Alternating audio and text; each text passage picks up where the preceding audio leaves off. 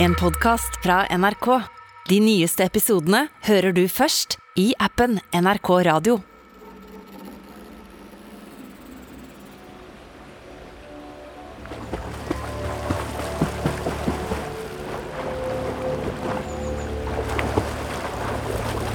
Det svømmer en isbjørn i Themsen. En isbjørn, ja. I Themsen. Elva som renner gjennom London.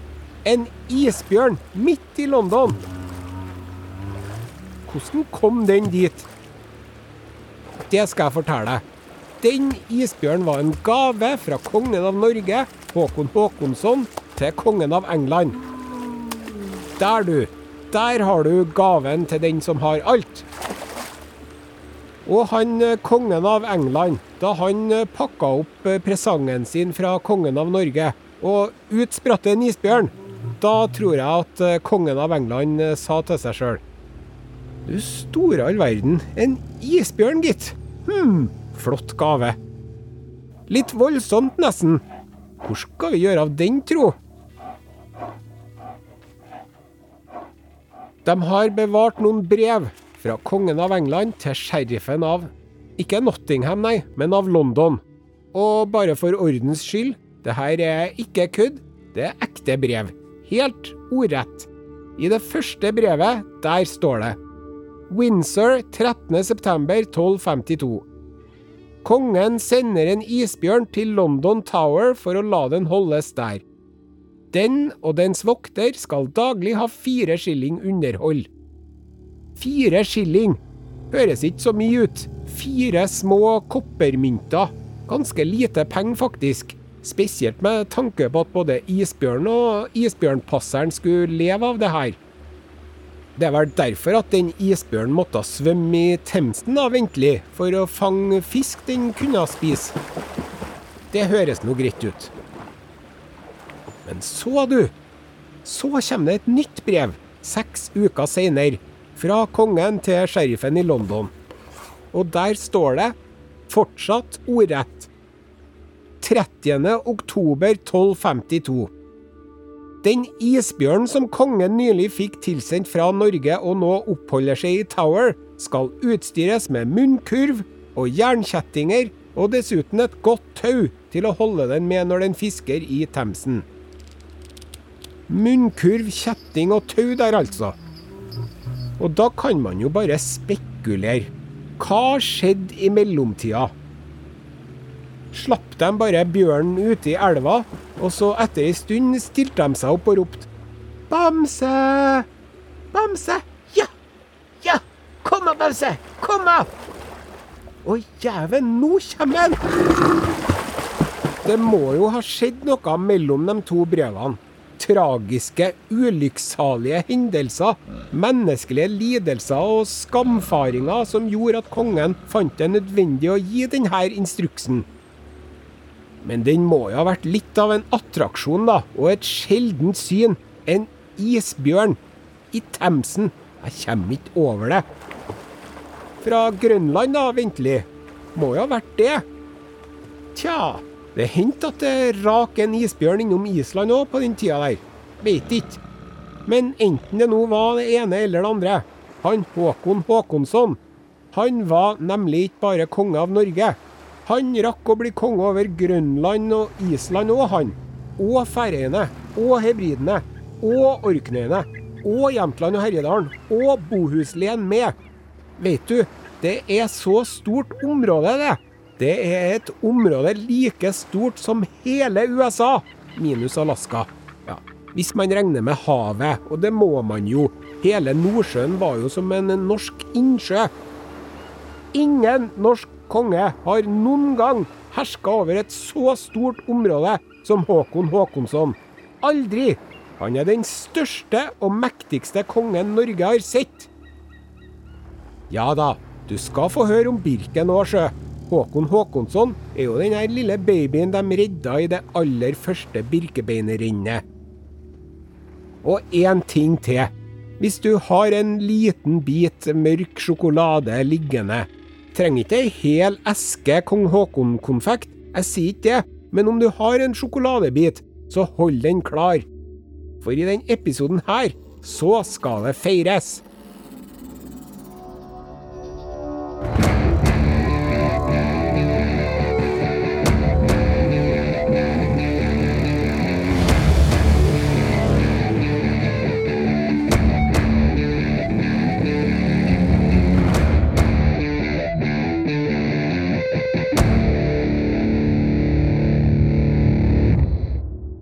Hører Kongerekka med Are Sende Osen, sesong tre.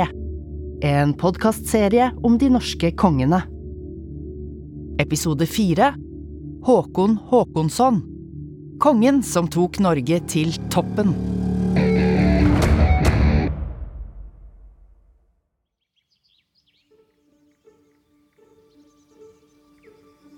Du husker at det sparka i magen til hun Inga fra Varteig, kjæresten til kong Håkon Sverreson borte i Sarpsborg?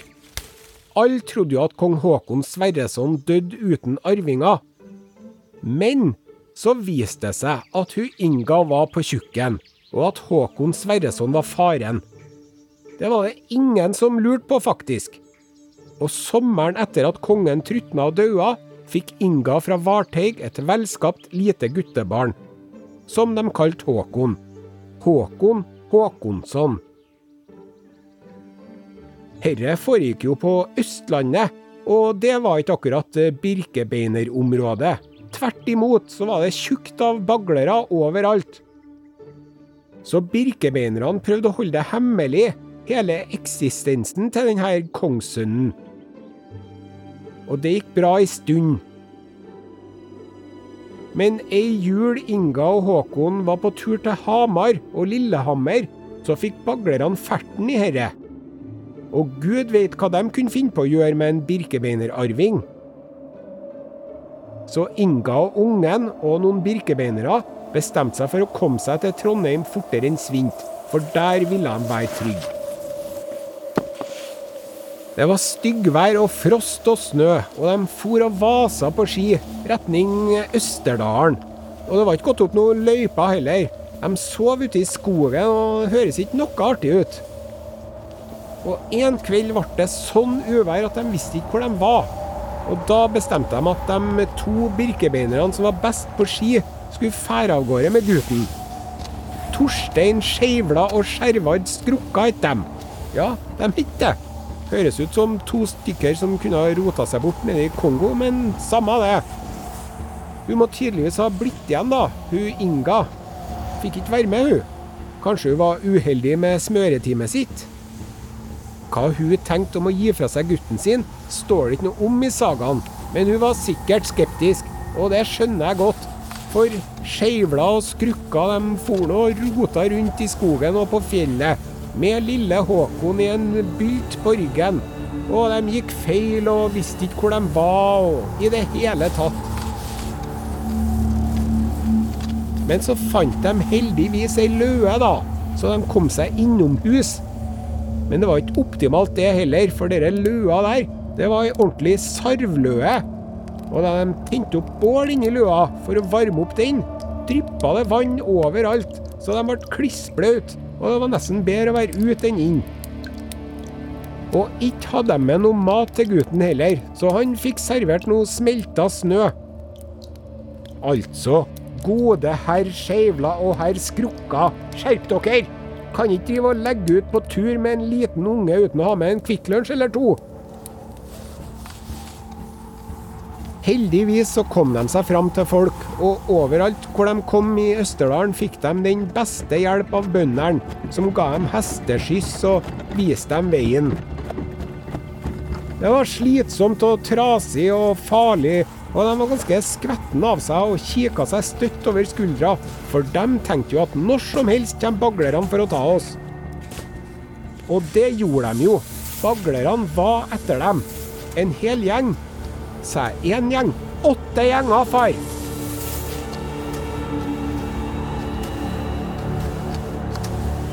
Men baglerne òg syntes det var trasig og tussig. Dårlig vær og trått føre. Så de pingla ut, rett og slett. De brøyt og for tilbake til Hedmark. Pinglebagler. Så det var nå flaks, da.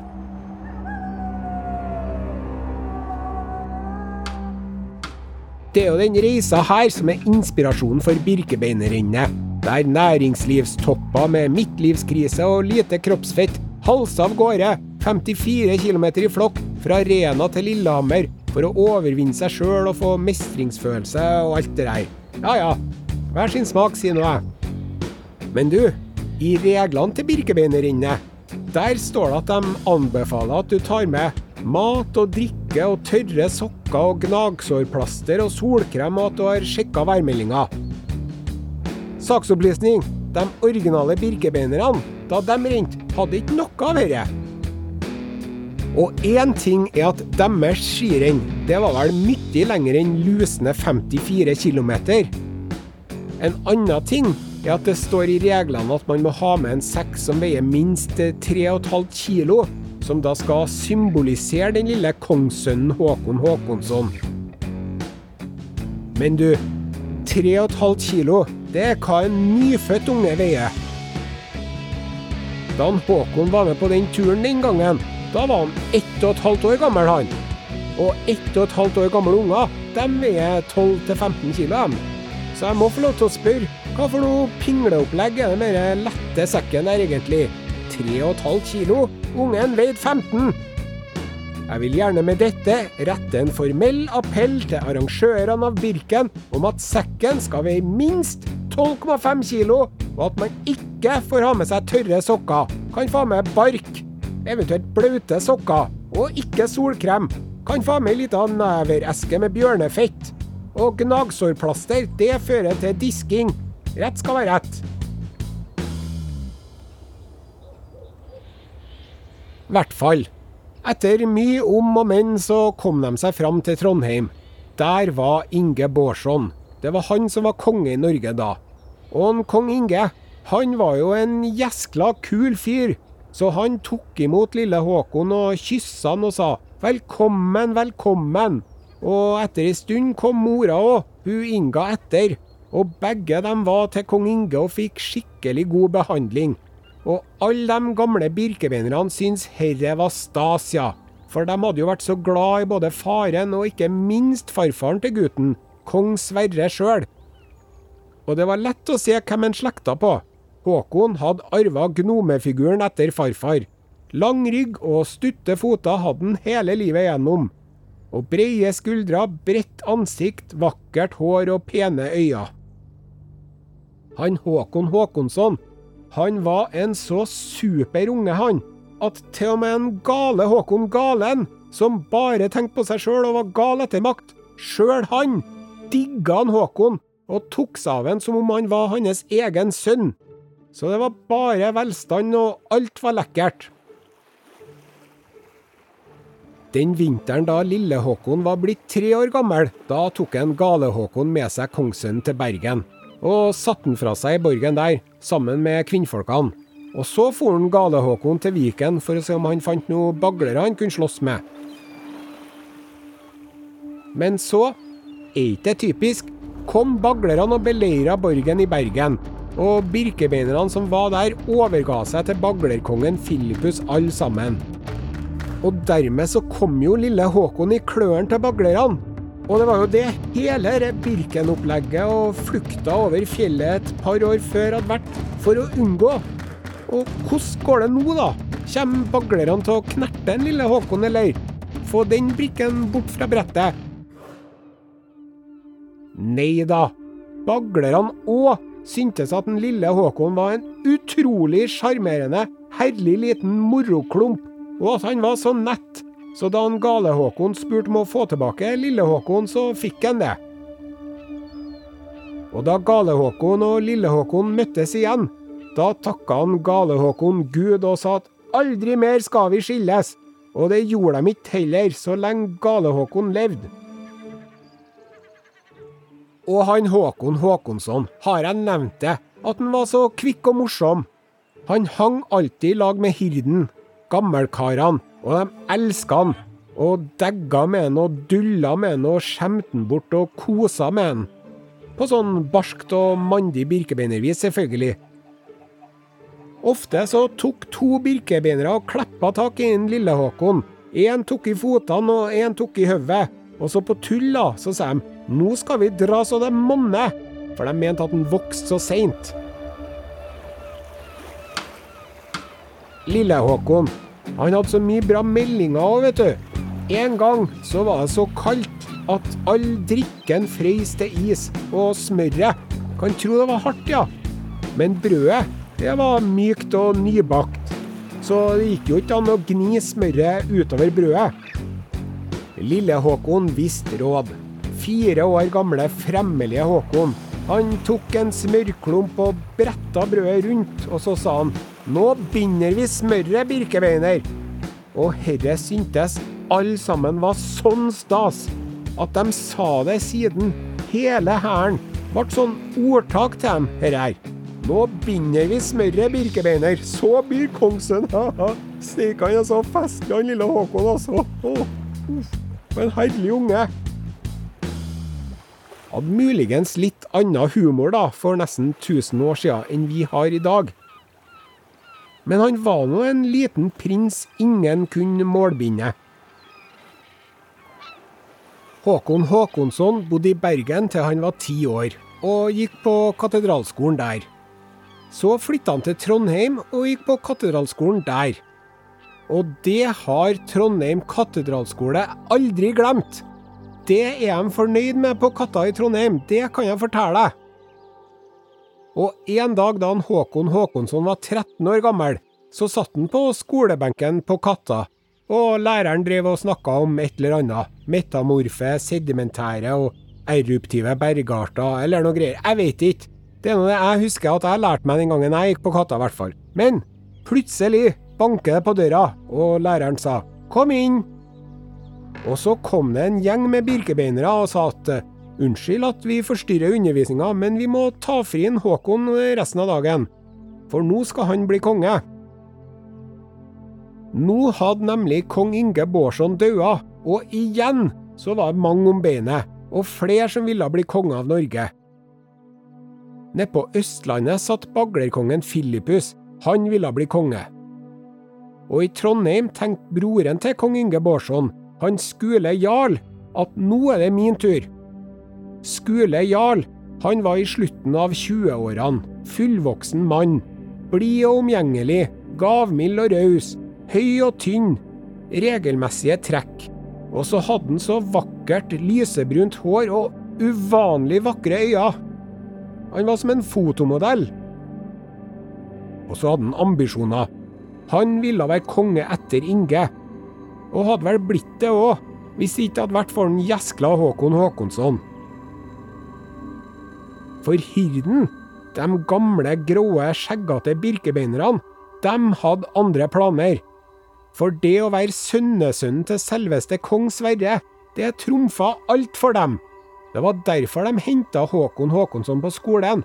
De sa at vi skiter i hva biskopene og baglerne og Skule Jarl mener. Vi skal ha han Håkon Håkonsson til konge, ellers blir det månelyst! Og det var mye styr og fram og tilbake, og skal ikke vi vente på biskopen? Vi kan ikke utrope noe konge uten biskopen. Og jo da, og nei da, og jo da. Og veit vi egentlig at en Håkon Håkonsson er Håkonsson, altså kongssønn? Skal ikke Inga fra Varteig bære jern? Jo, det kan ha godt. Hun Inga, hun kan bære jernbyrd, hun. Skal ikke stå på det. Hvor er jernet, da? Veit ikke. Jernet var borte, gitt. Så det ble ikke noe jernbyrd på Inga. Denne gangen. Mye styr og krangling og akkedering, og for å gjøre en lang historie kort, til slutt for de til Bergen hele gjengen, og der ble Håkon Håkonsson tatt til konge. Og han Skule Jarl, da, han gikk med på det, ganske så motvillig, mot at han skulle få fortsette å være jarl og få en tredjepart av riket. Og om en Skule jarl ikke skulle få ha på seg kongekrone, da skulle han i hvert fall ha på seg en fin krans om hodet, ja, for å vise at han var en god nummer to. Opptatt av hodeplagg, tydeligvis, han Skule. Når han ikke hadde den flotte kransen på hodet, da likte han å gå med en hvit filthatt. Hm. Kongen sjøl brydde seg ikke så mye den ene eller andre veien. Han var mest opptatt av å leke seg, han var jo bare 13 år gammel. Men det var tydelig for alle at Gud Fader i himmelen heia på Håkon og syntes herre var ei bra ordning, for den sommeren var det så varmt og fint i været at frukttrærne bar frukt to ganger.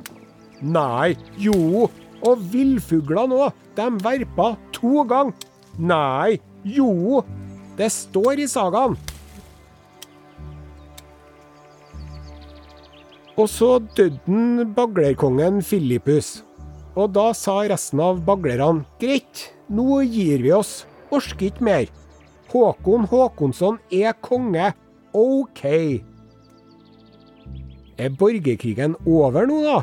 Er det nå vi skal få sjokolade? Nei, ikke riktig ennå.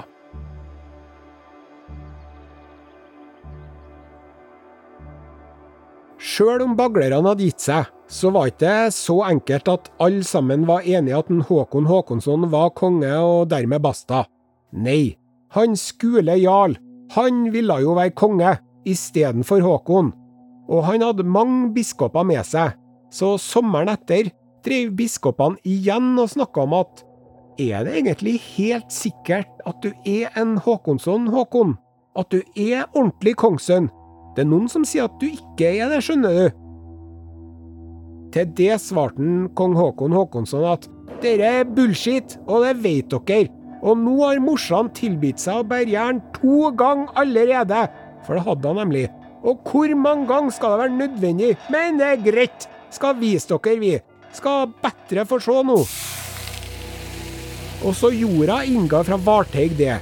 Hun bar glovarmt jern i hendene for med Guds hjelp å vise at en Håkon faktisk var en Håkonsson. Og noen dager etter, da de skulle sjekke hånda om den var brent, så var den ikke bare ikke brent. Alle som så på, sa at hånda var enda finere enn før jeg bar jernet. Da var nå den saken opp og avgjort, og erkebiskopen kalte inn til ting og utlyste at eh, kongen er rensa, han er Håkonsson. Alle dem som sier noe annet, dem sliter. Og nå er kongen og jarlen bestiser. Men det var de jo ikke.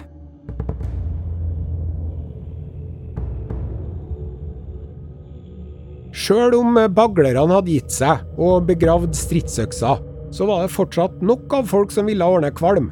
Opprørsgruppa som påstod at lederen deres, han var den egentlige og rettmessige kongen av Norge.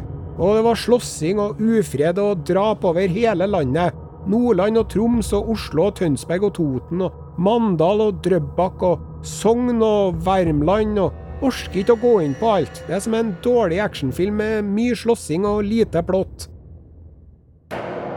Ute i Europa har det blitt mer riddertid nå, med riddere til hest og svære rustninger. Det var ikke helt norsk stil. Vi var best på sjøslag. Til og med i Innlandet foretrakk man sjøslag. For eksempel, en gang hørte Håkon Håkonsson at fienden var på Mjøsa med mange skip. Da fikk han dratt skipene sine oppover elva og over land. Mye styr med store steiner og strøm og gjennom kratt og myr, sånn at de kunne ha et ordentlig sjøslag i Mjøsa. Og han vant nå det slaget.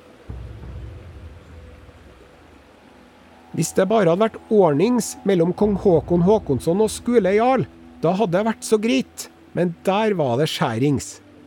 Og den skjæringsen, den var jo fordi han Håkon var konge, mens en Skule ville være konge.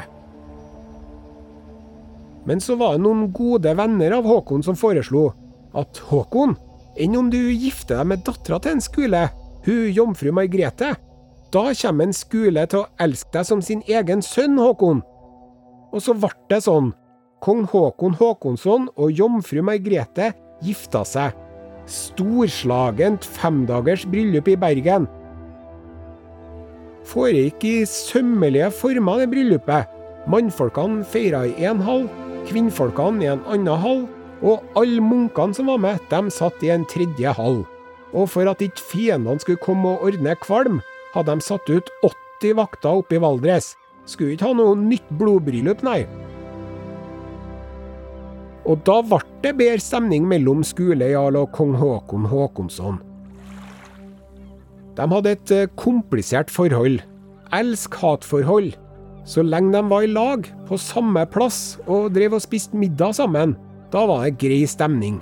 Men når de var borte fra hverandre, da ble det dårlig stemning. Og det var sikkert en kombinasjon av Skule sine ambisjoner og dårlige venner, dere der, da. Venner som ordna kvalm og spredde ondsinna rykter og satte dem opp mot hverandre. Og stadig vekk så drev vennene til den ene og slo i hjel og kvesta vennene til den andre. Og så skulle vennene hevne seg, og så ble det mye styr og dårlig stemning og ondt blod. Så lenge kong Håkon Håkonsson var ung, så gikk det på et vis, for da var han ganske avhengig av Skule jarl, som var en 15 år eldre. Men etter hvert som kong Haakon ble voksen, da skulle han bestemme mer og mer sjøl. Han tok stadig mer plass. Og hvorfor skulle han ikke det? Han var jo konge. Men det var ikke noe artig til en skulejarl i det hele tatt. 20 år etter at Håkon Håkonsson ble konge, da ble den Skule utnevnt til hertug. Hertug Skule. Første hertugen i Norge. Ny og moderne tittel. Gjevt. Nå, nå måtte noen Skule bli fornøyd, vel? Nei, for han ble ikke det, sjø. Den hertugtittelen her, den var Hva skal man si, den var mest til pynt. Visst fikk en Skule en fin og gjev tittel, men han fikk mindre makt. Istedenfor å ha full kontroll over én stor bit av landet, som han hadde hatt til nå, så fikk han en tredjedel av inntektene i hele landet isteden. Men altså mindre styring over områder. Herre er visst kjent i næringslivet. Du kan ikke få lønnspålegg, men du kan få en fin og fancy tittel. Skule var ikke fornøyd. Tvert imot, han var veldig misfornøyd. Så To år etter at Skule ble utropt til hertug, da gidda han ikke mer.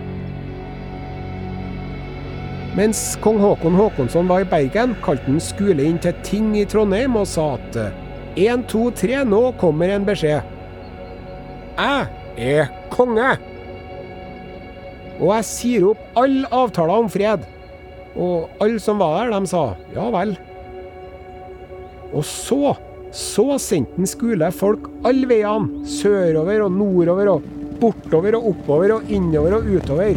Og overalt Skule sine menn kom, slo de i hjel folk som var på kong Håkon Håkonssons side. I kirka og utafor kirka og på kirketak og overalt.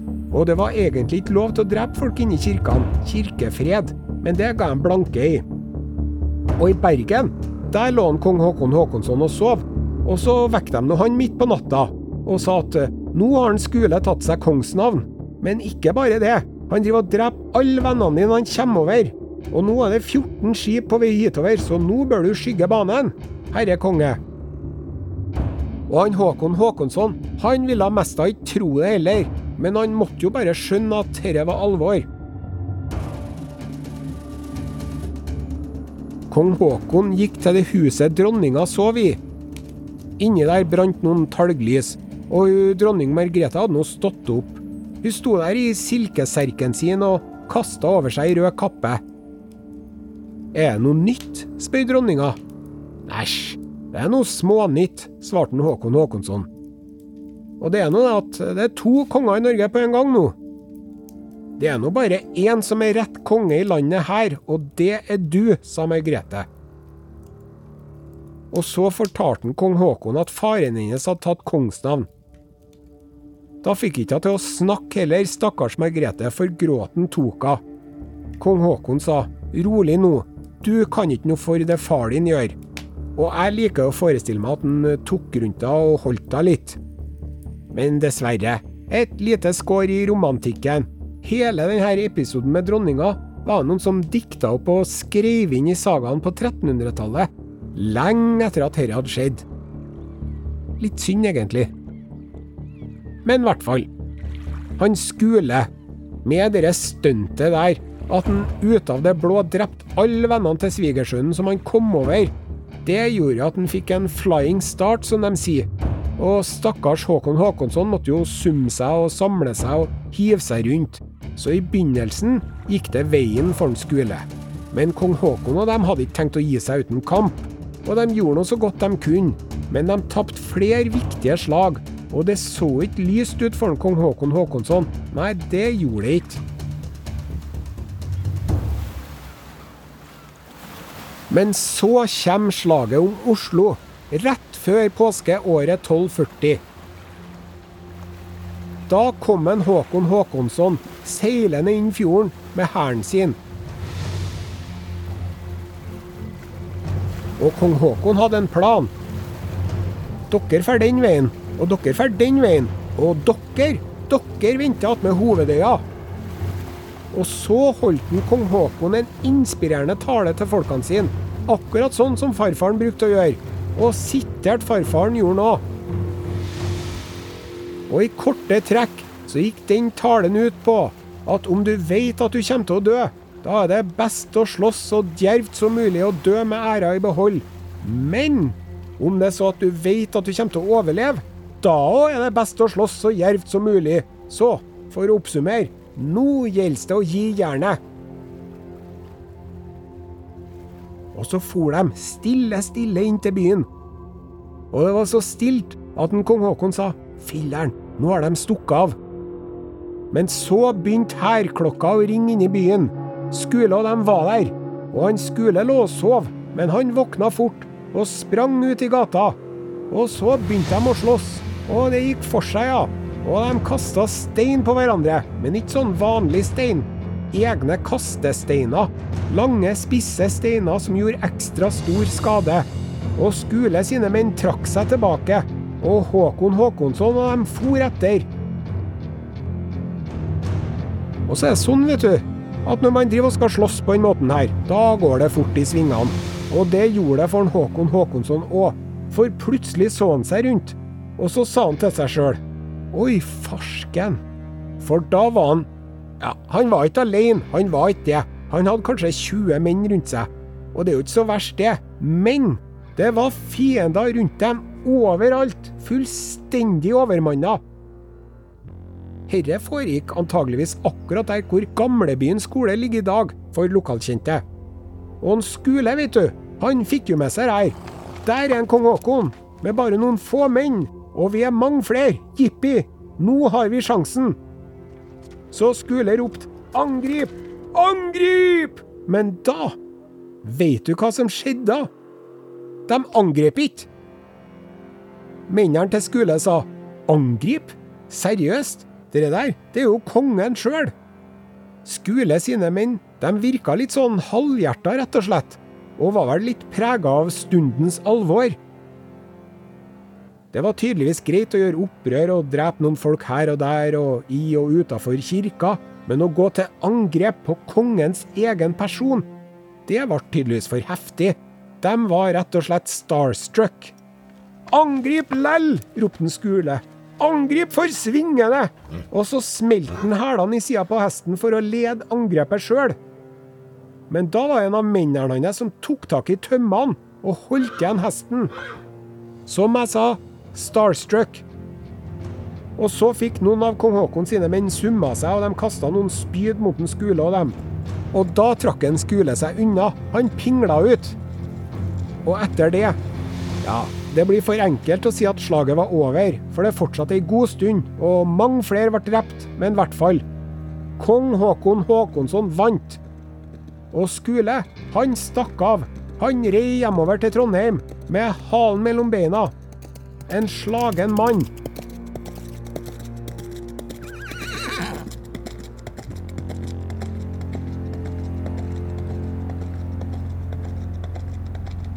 Da han Skule kom til Trondheim, var det lite fytt i han, kan jeg fortelle. Og alle sammen visste jo det at nå har han kong Haakon vunnet, og han Skule, han har tapt. Og stakkars Skule tenkte vel det sjøl òg, for han satt mest for seg sjøl inne i stua i kongsgården. Og han var ikke noe lysten på besøk eller selskap, og det var ikke noe mange som hadde lyst til å besøke han eller holde med selskap heller. Og han satt nå der og sa ikke stort.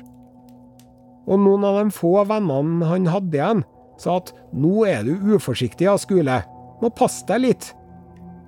Men han Skule svarte at Håkon sine menn kan da ikke komme så fort. men det var akkurat det de kunne. En morgen i slutten av mai kom det 15 skip uventa til Trondheim. Og igjen, igjen våkna Skule av at det ringte i alarmklokkene. Og igjen måtte han kle på seg i hui og hast og gripe sverdet og springe ut. Og Skule sa 'Fær og hent folk, gutta'. Men det var ingen som ville være med og slåss for en Skule. Alle sammen bare skygga banen. Stakk av eller gjemte seg i kirkene eller sa at de hadde vondt i magen eller 'Beklager, jeg skulle gjerne vært med, men jeg er nødt til å vaske håret'. Så han stakkars Skule visste ikke annet å gjøre enn å fære ut i skogen og gjemme seg med noen få menn.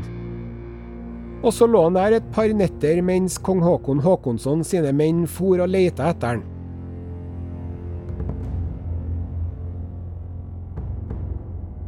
Og så gjemte han seg i et kloster. Og da han kom dit, fikk han mat og drikke og ei seng ordna til seg, for han var så trøtt og ville legge seg, stakkars. Men det ble ikke noe lang middagshvil på han skole, for kong Håkon sine menn, de skjønte hvor han var hen, så de for dit for å sjekke. Og da var det noen inne i klosteret som skjøt piler på dem. Da sa kong Håkon sine menn, jaså, skal det være på den måten? Og så tente jeg på klosteret. Og mens klosteret brant rundt den, da sa han Skule til mennene sine, nå går vi ut. Og så gikk han ut av klosteret. Han hadde et lite, rundt skjold i hånda som han holdt foran ansiktet. Skule sa, ikke hogg meg i ansiktet, det skal man ikke gjøre med høvdinger. Forfengelig til det siste. Jeg veit ikke om de hørte etter, men de drepte nå i hvert fall.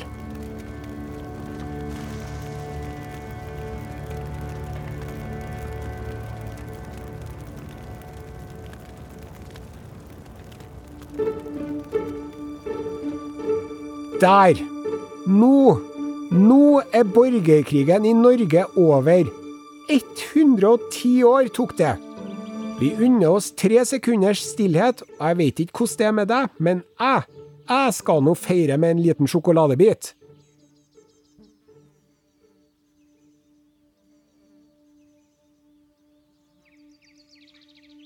Jæven, deilig med slutt på denne helsikes borgerkrigen.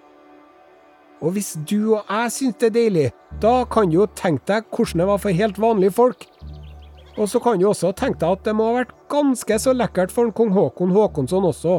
Nå, nå var det én ubestridt enekonge i Norge, og det var han Håkon Håkonsson. Det var ingen som kødda med en Håkon lenger. Ingen! Eller Det var jo det. Paven. Paven i Roma. Han drev og kødda med en kong Haakon. Ikke sånn alvorlig, seriøs, hardnakka kødding, men lell ganske sånn irriterende, plagsom, kverulerende kødding. For paven, han var sånn Ja, er du egentlig den rette kongen av Norge, Håkon? Er du nå virkelig det? Er jeg vel det òg? svarte kong Håkon Håkonsson. Jeg er det, tenk. Var mora og far din gift, kanskje? Hvem det? Hæ? Hæ? Hæ, sier jeg, sa paven. Nei. Nei, den var jo ikke det, vet du. Dermed er ikke ordentlig konge. Løsunge. Ja. Så ble det forhandlinger med paven i Roma, da, om at paven måtte anerkjenne Håkon Håkonsson som konge. Og det var ikke noe smertefri prosess, om du tror det. For du kan si mye om den katolske kirka, og det er det mange som gjør òg, men langsint, det er dem. Og jeg lurer nå på om den katolske kirka ikke hadde glemt at de hadde lyst kong Haakon sin farfar Sverre i bann den gangen. Men i hvert fall.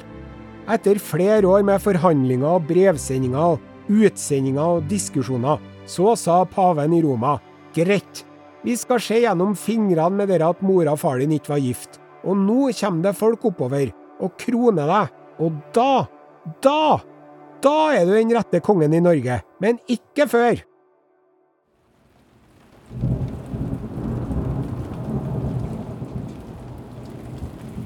Sommeren 1247 ble Håkon Håkonsson krona til konge av Norge i Bergen.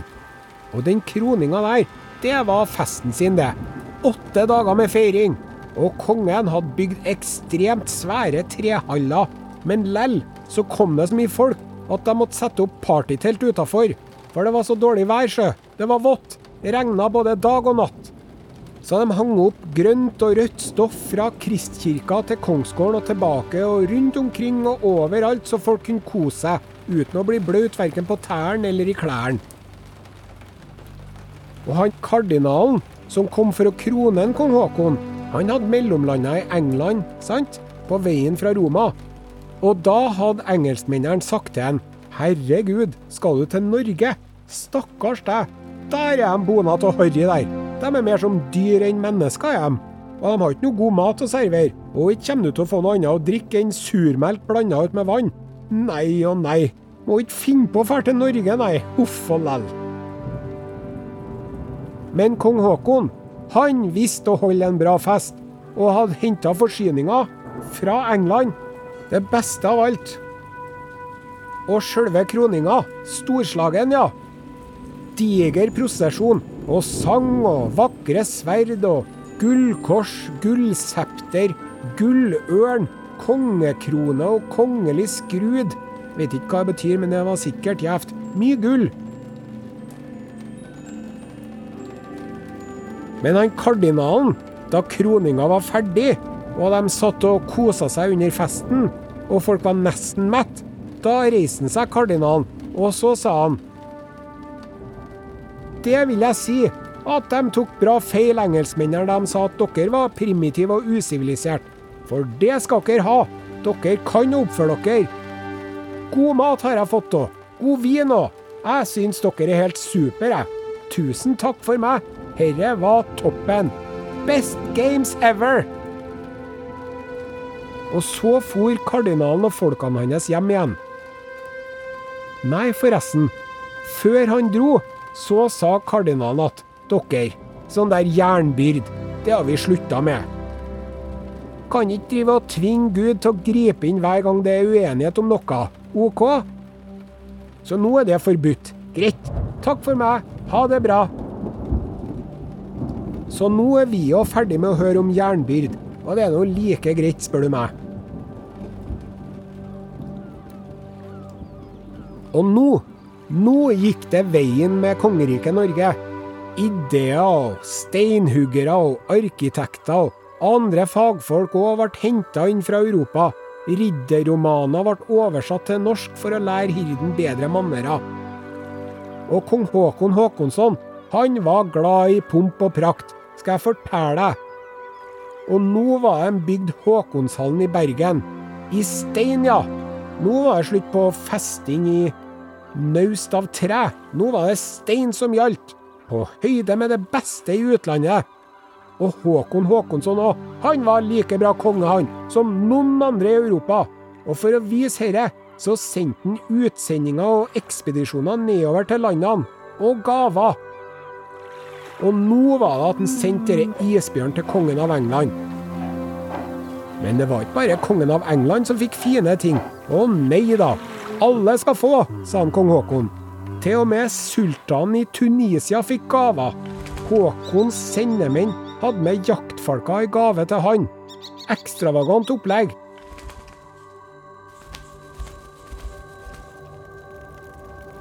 Samtidig så var han redd for å ta i et tak, trå til når det gjaldt. En gang var det en stor bybrann i Bergen.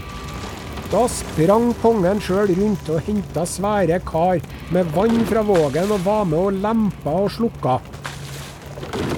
Han Håkon han var både herre konge og kamerat, sa folk om han. Populær blant mennene sine. Og så forsterka han og utvikla hele statsapparatet med. Lovene endra nå, gjorde han. Han forbød f.eks. For etterdrap. Etterdrap det er det som vi kaller blodhevn i dag. Vendetta. Og det går ut på at hvis noen fra ei slekt blir drept, da må den andre slekta hevne seg ved å drepe noen andre fra den andre slekta.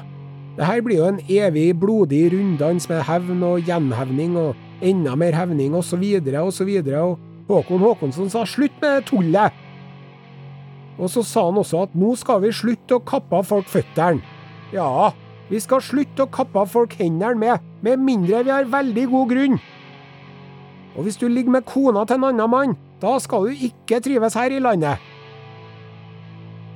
Kanskje ikke så imponerende i dag, men man måste jamføre. Framgang.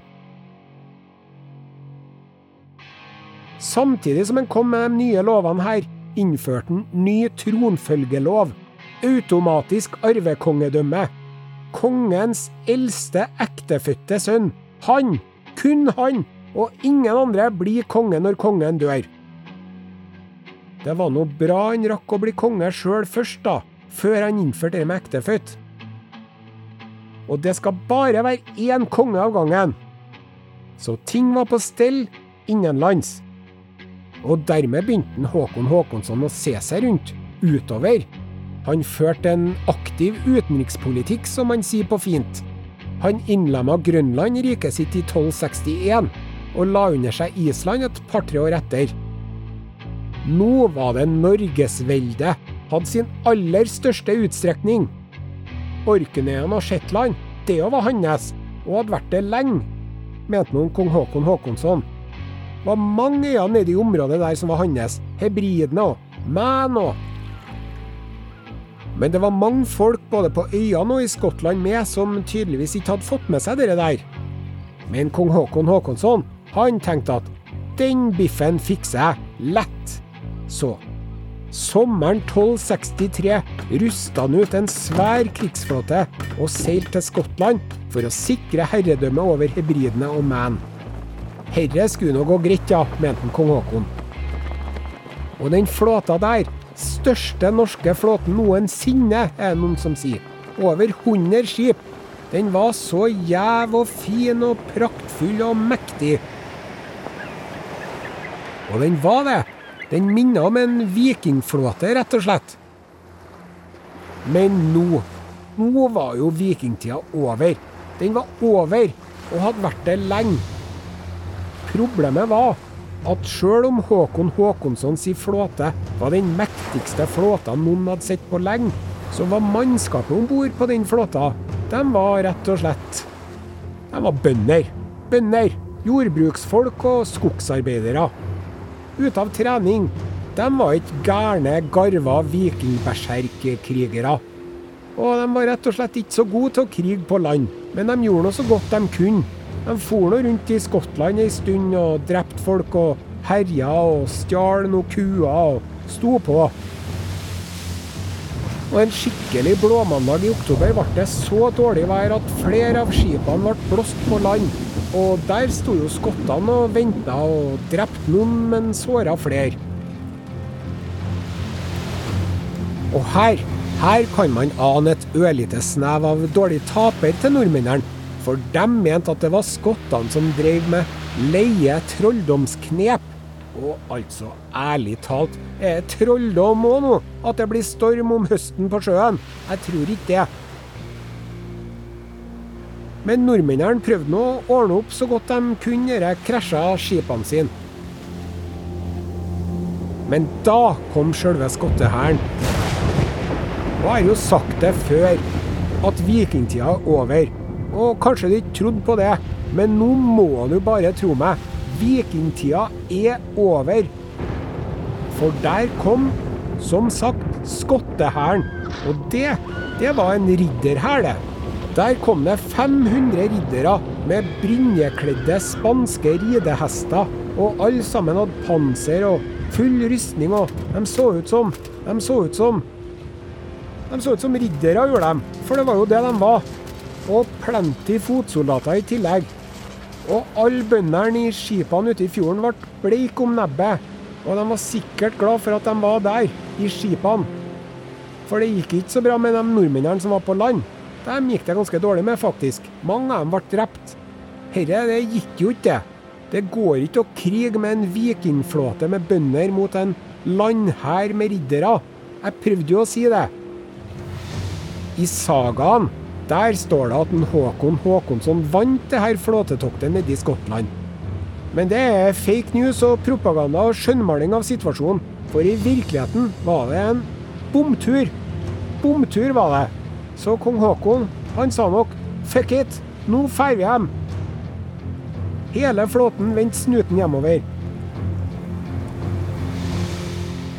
Men da de kom til Orknøyene, var været veldig dårlig, og det frista ikke akkurat med noe overfart over Nordsjøen. Jeg venter her, sa han kong Haakon. Men dere må nå bare dra hjem, dere som vil det. Så de fleste for hjem. Men kongen ble igjen. Han tok seg inn i et tårn på Orknøyene, bispeborgen i Kirkevåg, eller Kirkwall som det heter i dag.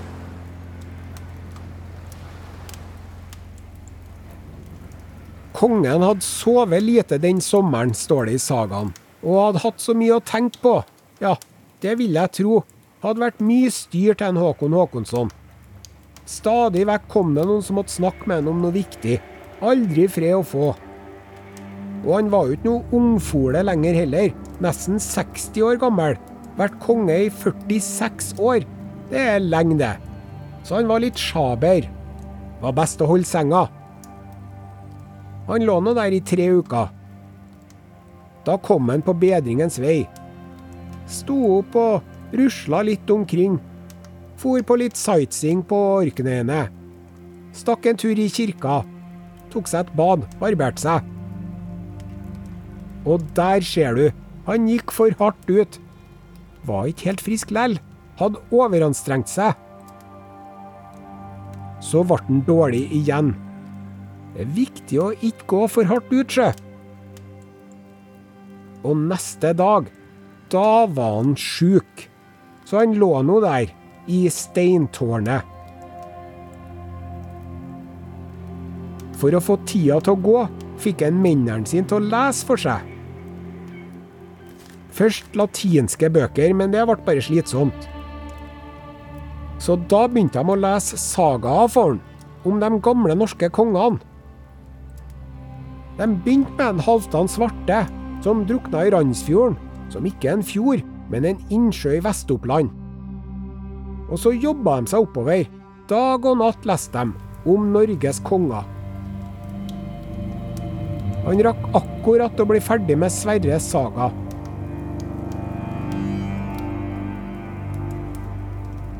Og så døde han, kong Håkon Håkonsson. kongesaga til siste slutt. Det holder jeg med en i. Men det var ikke Snorre sine kongesagaer han leste, for Snorre var ikke hans favorittforfatter, for å si det mildt. Vet du hvem som fikk Snorre drept, eller? Det forholdet der, det er et kapittel for seg sjøl.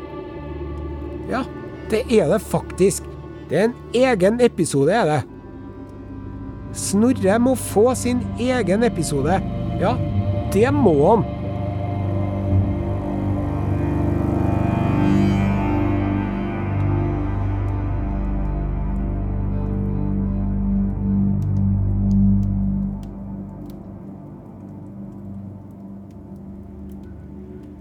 Kongerekka er laga av Are Sende Osen og Ragnhild Sleire Øyen.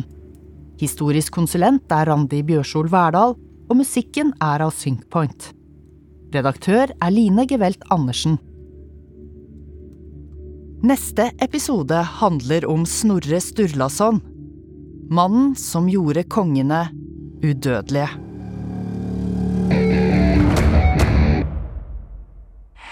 Du har hørt en podkast fra NRK. De nyeste episodene hører du først i appen NRK Radio.